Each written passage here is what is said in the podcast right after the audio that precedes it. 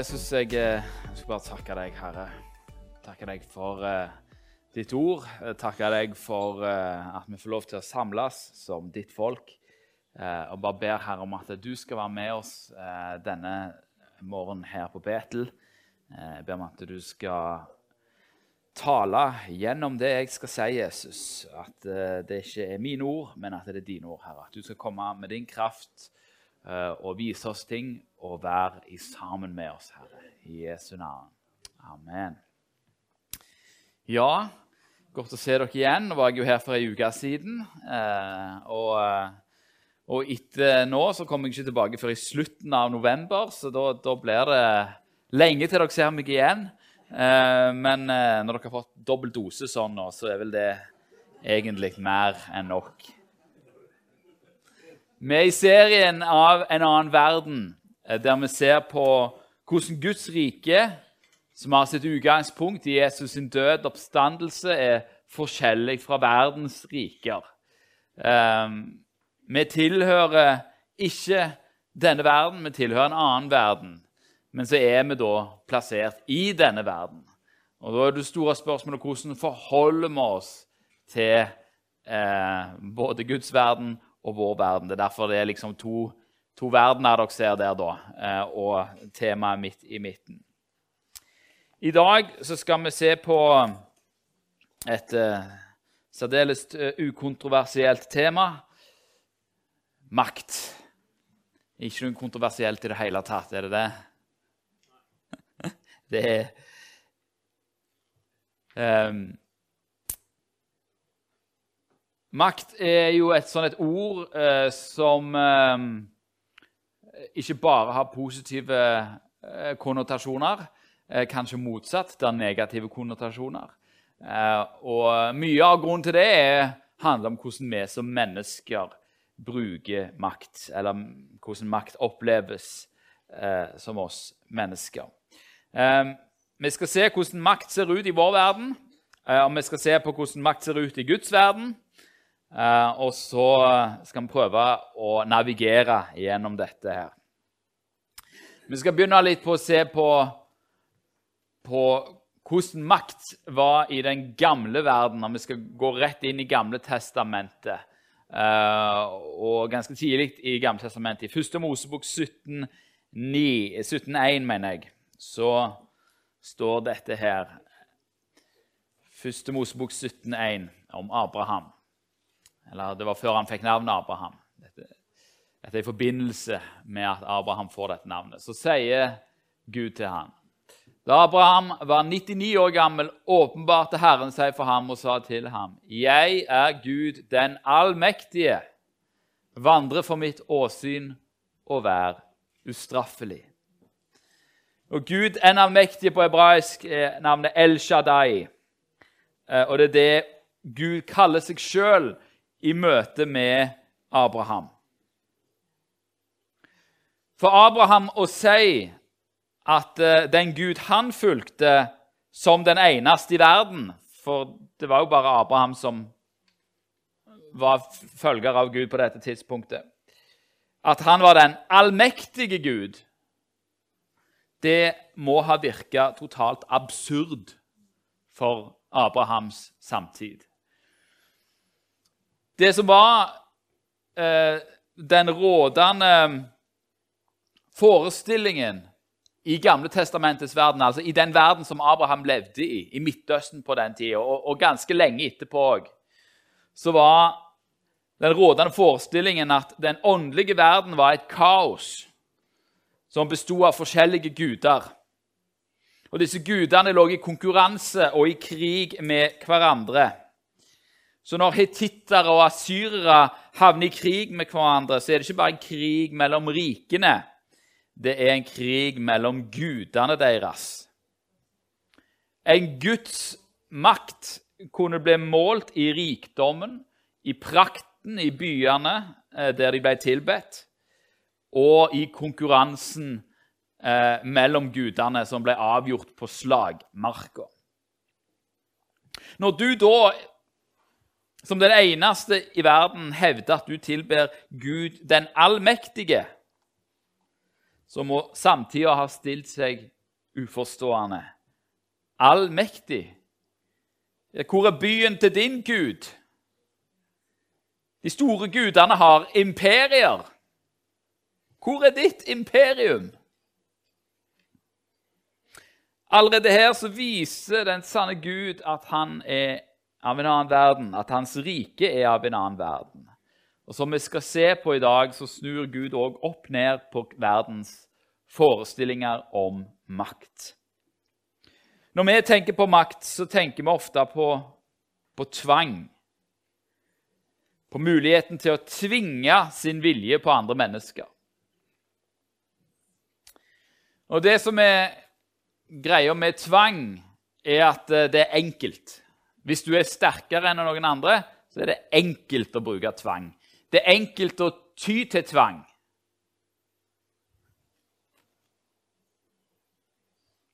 Samtidig så, så ser man at eh, bruken av tvang ofte henger sammen med at man føler sin posisjon, sin egen makt, trua. At det er en trussel mot ens makt, mot ens maktposisjon. Dette ser vi et veldig godt eksempel på i andre Mosebok, kapittel 1, 12-13. Men jo mer de plaget dem, dess flere ble de, og dess mer bredte de seg ut. Så egypterne begynte å grue seg for Israels barn. Og hva er løsningen når du gruer deg for noen? Når du syns at eh, ting begynner å bli skummelt? De begynner å bli mange nå, disse israelerne. Jo, da tvinger de de. Egypterne tvang Israels barn til å trelle for seg. Hva er det som skjer? Vi, vi leser jo litt med vantro på det som skjer i Sverige om dagen, med gjengvold. Hva er det som gjør at sånne ting kommer ut av kontroll? Jo, det er noen som begynner å true noen andre. True noen andres maktposisjon. Og hvordan reagerer man på det? Med tvang. Med maktbruk tvinge sin vilje på. Og Det er her da Gud den allmektige skiller seg ut. For Gud den allmektige er ikke trua av noen. Det er derfor han ikke har et imperium. Hvorfor har ikke Gud den allmektige et imperium? Selv når Israel var på sitt største, så var det ja, ok, Kanskje det kunne ses på som et lite imperium, men det varte veldig kort, og det var ikke noe greier å skryte av. Nei, Israels folk og Israels Det folket som liksom Gud den allmektige har valgt seg, det er liksom trykt inn mellom to imperier.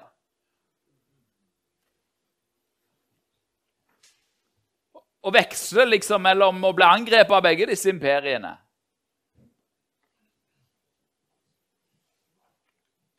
Og det er fordi Gud den allmektige han trenger ikke et imperium.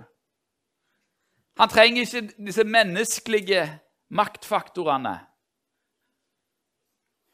En gud som trenger et imperium, er ikke en allmektig gud. Men Gud er allmektig. Han er ikke redd for å miste makten. Og det er fordi at ingen menneskerike, ingen menneskeskapte guder kan stille opp mot han. Og det er derfor Gud har gitt mennesket fri vilje. Har Gud tvunget deg til noe noen gang? Han har kalt på deg. Av og til så snakker vi at hans kjærlighet tvinger oss. Men, men, det er noe annet. Ja da, vi kan, Hvis vi fortsetter å gå vekk fra hans vilje, så viser han oss konsekvensen av det. Men han tvinger veldig sjelden.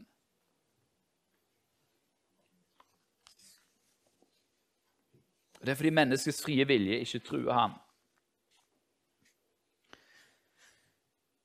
Til og med i, i det eksempelet fra andre Mosebok, der, liksom, der du har liksom oppgjørets time mellom Gud og, og, Egypt, mellom Israel og Egypt, og, og der Gud frir Israel ut av Egypt Sjøl der, der han virkelig viser sin makt, så bruker han ikke egentlig tvang. Det står at han, at han tvinger farao til å la folket gå. Men han begynner med å si 'la mitt folk gå'. Du har et fritt valg. Og så, han, og så sier farao nei, og så kommer det en konsekvens av det. Og så kommer han igjen. 'La mitt folk gå.' Nei. Nei vel, da skrur vi til litt hardere. 'La mitt folk gå.' Nei. Og så til slutt så, så sier farao 'gå'. For konsekvensen av dette er for stort.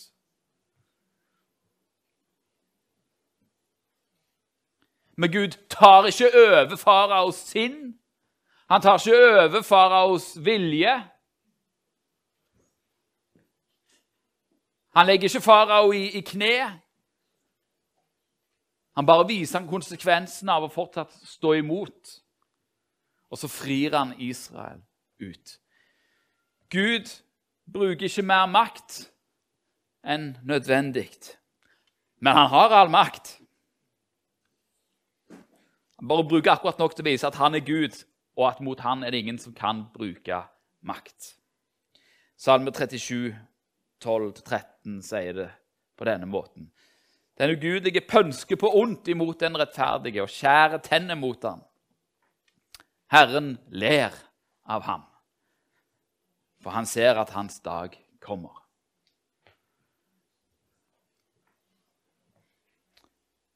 Eh, hvis dere som er voksne her, Har dere blitt utfordra til slåsskamp av toåringer? Eller treåringer? Så liksom Og så skal de begynne å slå Det er jo nesten litt søtt.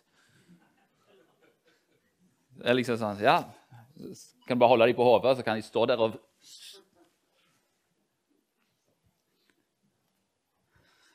Sånn er verdens makt sammenlignet med Guds makt. Og enda mindre. Han ler. Det er da mot dette bakteppet at vi skal forstå Jesu makt. Evangeliene gir jo et veldig tydelig bilde av at Jesus har fått den samme makten som Gud har. Han har makt over sykdommer, han har makt over naturkrefter. Han har makt over demonene. Den samme makten som Gud, Far i himmelen. Hvordan bruker han da denne makten? Bruker han denne makten til å tvinge sin vilje gjennom? Til å kaste ut alle som er uenige med han? Nei. Johannes 13, etter at han har vaska disiplene sine bein, så sier han så sa han til dem, 'Forstår dere hva jeg har gjort med dere?' Dere kaller meg mester og herre. Og med rette sier dere det, for jeg er det. Når da jeg, som er herre og mester, har vasket deres føtter, så skylder også dere å vaske hverandres føtter. For jeg har gitt dere et forbilde for at også dere skal gjøre slik som jeg har gjort mot dere.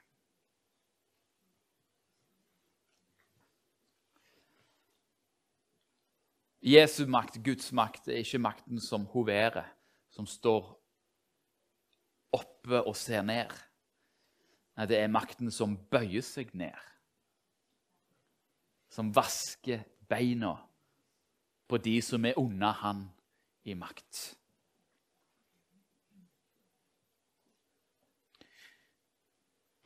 Når disiplene begynner å ha en diskusjon seg imellom om hvem som skal være den største, så tenker de på verdens vis. Hvem har høyest posisjon? Hvem skal være statsminister? Hvem skal utøve makt? Og Så kaller Jesus de til seg, og så sier han dere vet at fyrstene hersker over folkene sine. Og stormennene deres har makt over dem. Slik skal det ikke være blant dere.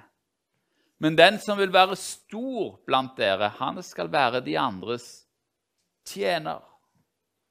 Og den som vil være den første blant dere, skal være de andres trell. Like som menneskesønnen ikke er kommet for å la seg tjene, men for selv å tjene og gi, og gi sitt liv til den løse penge i manges sted. En definisjon av makt det er å få noen til å gjøre noe de ellers ikke ville gjort. Det er en litt sånn snill definisjon av makt. Hver gang jeg får deg til å gjøre noe som du ellers ikke ville gjort, da har jeg på mange måter utøvd makt mot deg. Eh, og med det bakbildet så, så er jo ikke spørsmålet om du har makt. For med det utgangspunktet så er vi jo alle i ulike maktposisjoner rundt omkring. Vi har makt i familien vår, vi har makt i nabolaget, blant vennene våre. Eh, vi har eh, makt på arbeidsplassen. Så det store spørsmålet er jo ikke om du har makt, for det har du. Men hvordan forvalter du den makten du har? Bruker du tvang som en tyrann, eller bruker du på din makt på en måte som løfter andre opp?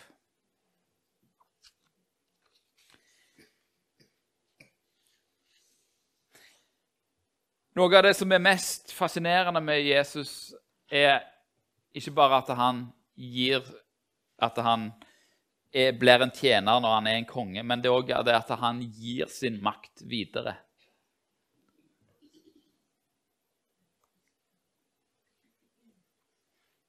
I Johannes 16, 23, 24 så står det at på den dagen skal dere ikke spørre meg om noe. Sannelig, sannelig sier jeg dere, alt det dere ber Faderen om, skal han gi dere i mitt navn. Hittil har dere ikke bedt om noe i mitt navn. Be, og dere skal få, for at deres glede kan være fullkommen. Jesus gir disiplene sitt navn. Han gir dem autoriteten i sitt navn. Sin Gud gir de rike. Gud gir disiplene rike. Gud gir de sin autoritet, sin makt. Dette ser vi veldig tydelig i Apostlenes gjerninger 3,6. Men Peter sa, 'Sølv og gull eier jeg ikke, men det jeg har, det gir jeg deg i Jesu Kristi Nasareerens navn, stå opp og gå, sier han til den lamme. Og han står opp og går. Hva var det Peter hadde fått? Han hadde fått Jesus sin makt.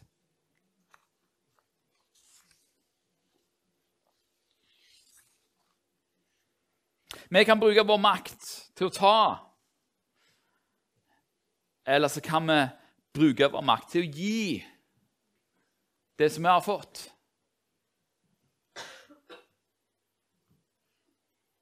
Hvis du bruker din makt til å ta, hva sier det om deg? Det betyr at du mangler.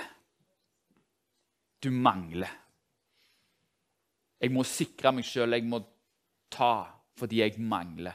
Hvis du gir, hvis du bruker din makt ikke til å tvinge andre, men til å sette folk fri. Å, hvis du bruker din makt til å, til å bygge folk opp. Hva sier det om deg, da? Mangler du noe da? Nei, ingen verdens ting. Hvorfor kan Jesus bare gi av seg sjøl? Han kan bare gi. Han gir sin makt, han gir sitt liv. Det er fordi han har alt. Fordi han er kobla på Gud den allmektige. Det er derfor at når Romas tyranniske makt skal stilles opp mot Jesu makt Hva er, hva er Romas svar i denne konkurransen? Jo, det er som tyranner alltid har gjort. De bruker korsfestelsen. Det er liksom tegnet på deres makt. Dette er det vi kan gjøre mot deg for å tvinge dere til å følge oss, for å vise hvem som bestemmer. Roma tok liv. Og Jesus han bare lar de gjøre det. For å bevise for oss alle at den Gud som han tilhører, at den Gud som han er, trenger ikke å ta liv. Nei, han gir sitt liv.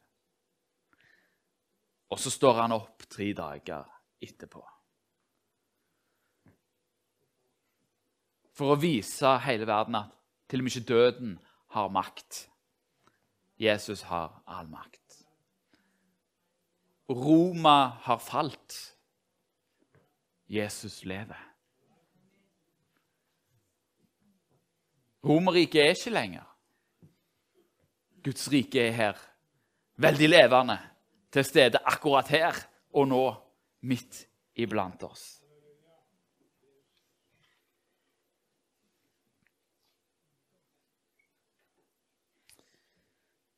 Dette tar oss over til vår makt. Hvordan skal da vi forvalte den makten som vi har fått, uansett hvor det må ha vært? Jo, som kristne er vi kalt til å leve sånn som Jesus lever. Og det innebærer å forvalte makt på samme måte som Jesus. Og det har vi jo ikke alltid gjort opp igjennom i historien. Kanskje ikke du heller har gjort det alltid i din historie. Jeg skal lese noen bibelvers som viser hvordan denne tråden av å gi seg sjøl for den som man er satt over, er, går som en sånn rød tråd gjennom hele gjennom hele storyen. 1. Peters brev 5, 2-3. Her her snakker Peter til sånne som meg, til pastorer, og sånne som Magnus.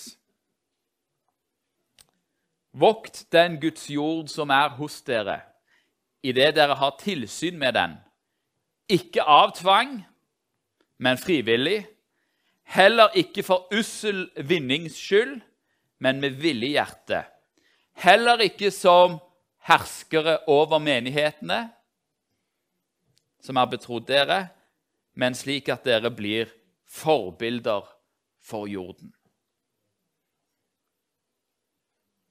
Den som vil være den største blant dere, skal være som en tjener.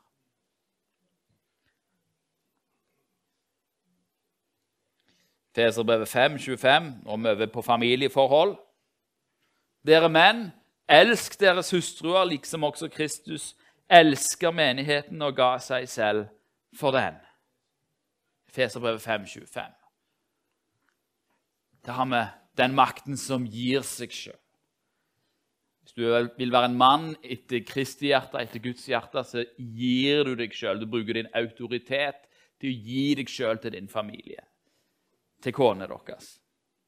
Kolosserbrevet 3,19.: Dere menn, elsk deres hustruer vær ikke bitre mot dem. Feserne 6,4. Da er det som fedre dere fedre, vekk ikke sinne hos deres barn, men oppdra dem med Herrens tukt og formaning. Hvordan er Herrens tukt og formaning, da? Ja, det er frihet til å gjøre feil. Det er mye nåde. Man gjør feil, men man må betale konsekvensen av sine feil. da. Sånt skjer jo. Men det er mye nåde der. Det er mye frihet. Kolosserbrevet 3, 21. der fedre, dere fedre, gjør ikke barna deres bitre, slik at de mister motet. Det gjelder om å gi deg sjøl fordi du er satt over.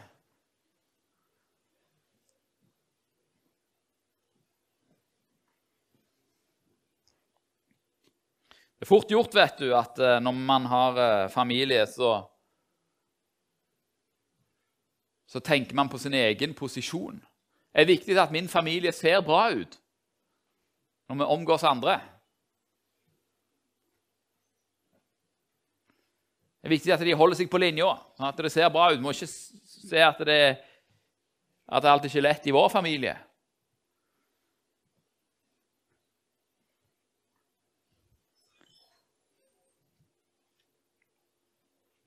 men vi kan gi oss sjøl til de vi er satt over. Og så er det kanskje det vanskeligste jeg skal snakke om i dag. De andres makt. Du vet, Når det gjelder Guds rikes forhold til makt, hvordan man skal utøve makt, så er, kanskje, så er det kanskje akkurat den delen av Guds rike som har et størst innflytelse på det som vi kaller den vestlige verden.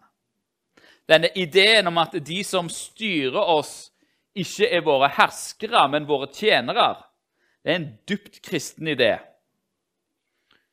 Du vet, De mange sakene som har herja den, den norske politiske eliten det siste året, det kan føres direkte tilbake til 1. Peter her, 5.2-3. Man skal ikke utføre sitt lederskap for ussel vinnings skyld.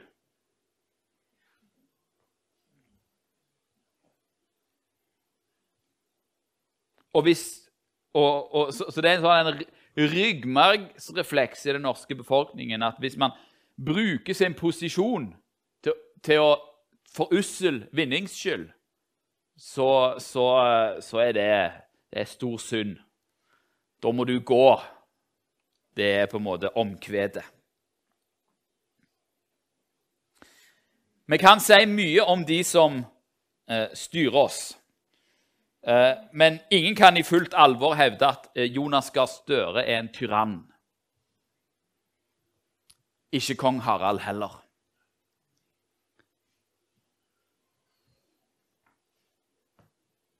Forventningene til maktutøvelse i dette landet er kanskje det punktet der arven fra Guds rike er mest synlig i dette landet. Vi finner oss ikke i tyranniske ledere. I andre deler av verden er det annerledes. Men her i Vesten så har vi så, så, ja, så forventer vi at våre ledere skal være som Jesus Kristus. Og utøve sitt lederskap som Jesus Kristus. Men selv om dette er bra, så har vi mista noe annet i vår del av verden. For én ting er hvordan vi skjøtter vår egen maktposisjon. En annen er hvordan vi forholder oss til andres maktposisjon. Som jeg var inne på i starten, så har vår kultur I vår kultur så har ordet makt en negativ klang. Hva er makt? Jo, det er maktkamp. Det er maktmisbruk. Det er maktsykt. Maktsyke mennesker. Nordmenn har en tendens til å møte folk som har makt, med en viss skepsis. Særlig hvis du har mye makt eller har, har, på en måte stor makt, så er det en viss skepsis. Men det er ikke sånn Bibelen lærer oss at vi skal forholde oss til makten.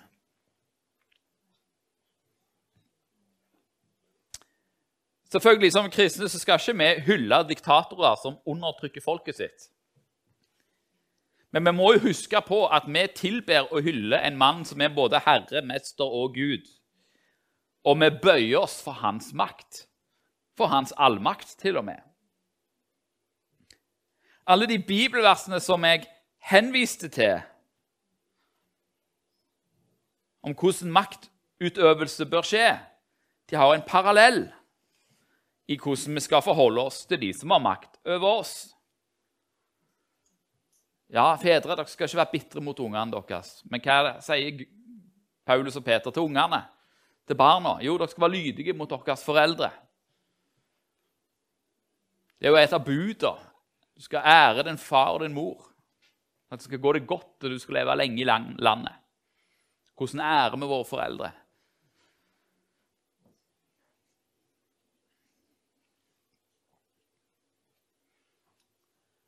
Ja, Det står at Mennene skal elske sine barn.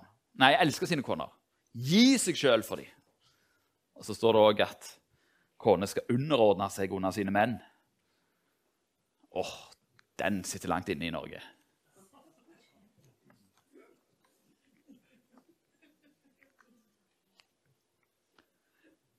Men det er ikke så vanskelig å underordne seg en som elsker deg, og som vil gi seg sjøl for deg. Så istedenfor å se på det som en konkurranse om hvem som har makten For der kommer jo maktkamp inn igjen. Hvem har makten i dette forholdet?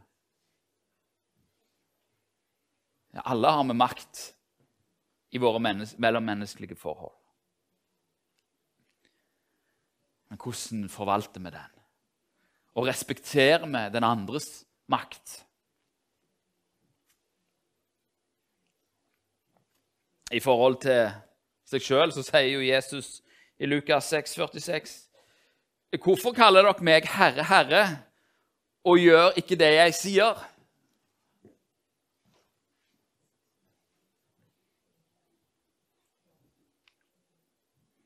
Og i forhold til, til de eldste, da Til de som er ledere i menigheten, så sier, de, så sier Paulus og Timoteus de eldste som er gode forstandere, forstandere skal aktes dobbel æreverd.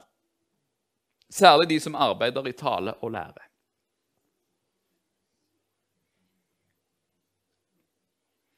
Hva da med myndighetene og øvrigheten? Må huske på at eh, den myndighet og den øvrighet som disiplene snakker om, er den øvrighet og myndighet som forfølger dem. Husk på det når dere leser dette. 1. Peter 2, 13-17. For Herrens skyld, for Herrens skyld, skal dere underordne dere under enhver menneskelig ordning, enten det nå er en konge som den høyeste, eller landshøvdinger som er utsendt fra ham for at de skal straffe dem som gjør ondt, og hedre dem som gjør godt. For slik er det Guds vilje at dere ved å gjøre det gode skal stoppe munnen på uforstandige mennesker. Som frie skal dere ikke være slike som bruker friheten som påskudd til å gjøre ondt, men som Guds tjenere. Vis alle ære. Elsk brødrene. Frykt Gud er kongen. Der skal jeg avslutte eh, i dag. Så kan du eh, få la Den hellige ånd snakke til deg om OK, er det noe i måten jeg utøver min makt på? Og hvordan forholder jeg meg til de som har makt over meg, enten det er sjefen eller det er i familiesammenheng? Hvordan forholder vi oss til hverandre?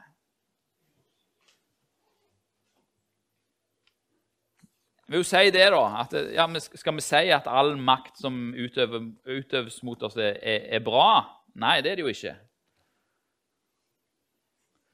Alle skal framfor vår Herre. Han har all makt, òg over Ja. Men vi har ansvar for hvordan vi forholder oss.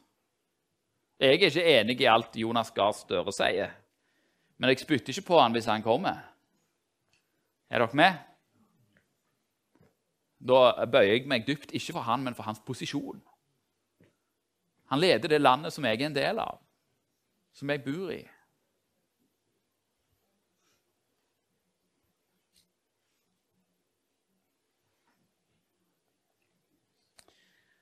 Så kan vi òg få lov til å be. Spesielt for de som forfølger oss, sier, sier Jesus at vi skal gjøre. Vi skal be for dem. Vi kan henvende oss til Han som er der oppe, om at de skal fatte et annet sinn. Be for våre fiender.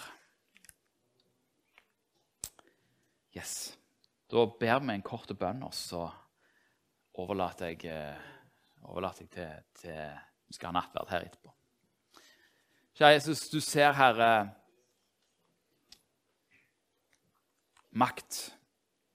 Og du ser, Herre, hvordan eh, makt har blitt misbrukt opp igjennom. Og eh, hvordan makt misbrukes den dag i dag, enten det er i familierelasjoner, eller det er i samfunnssituasjoner eller land imellom, Herre. Gjennom krig. Kjære Jesus, du eh, har kommet oss for å vise oss en annen måte å bruke makt på. At vi kan bruke vår makt til å gi oss sjøl for de som har makt over. Til å hjelpe dem, til å støtte dem, til å gjøre de til frie mennesker som ikke ser på oss som en kilde til tvang, men som en kilde til gjensidig kjærlighet og respekt, Herre. Og Vi ber Herre om at vi skal være sånne maktutøvere som elsker hverandre, og som viser hverandre ære. Og jeg ber om at vi skal være Vi skal forholde oss sånn til makten òg. At vi, vi ber for de som anvender makten feil. Og at av og til, hvis vi lider, at vi skal lide som gode Kristi-tjenere. For du er òg lei under urettferdige makt. Så ber jeg Herre om at de som er satt over oss, at skal, vi skal ære dem på de måtene vi kan ære dem. Eh, og så ber vi til deg for de tingene som ikke er rett.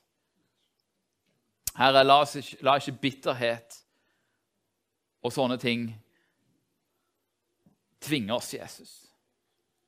Men eh, la oss være frie. Frie til å elske, frie til å lyde.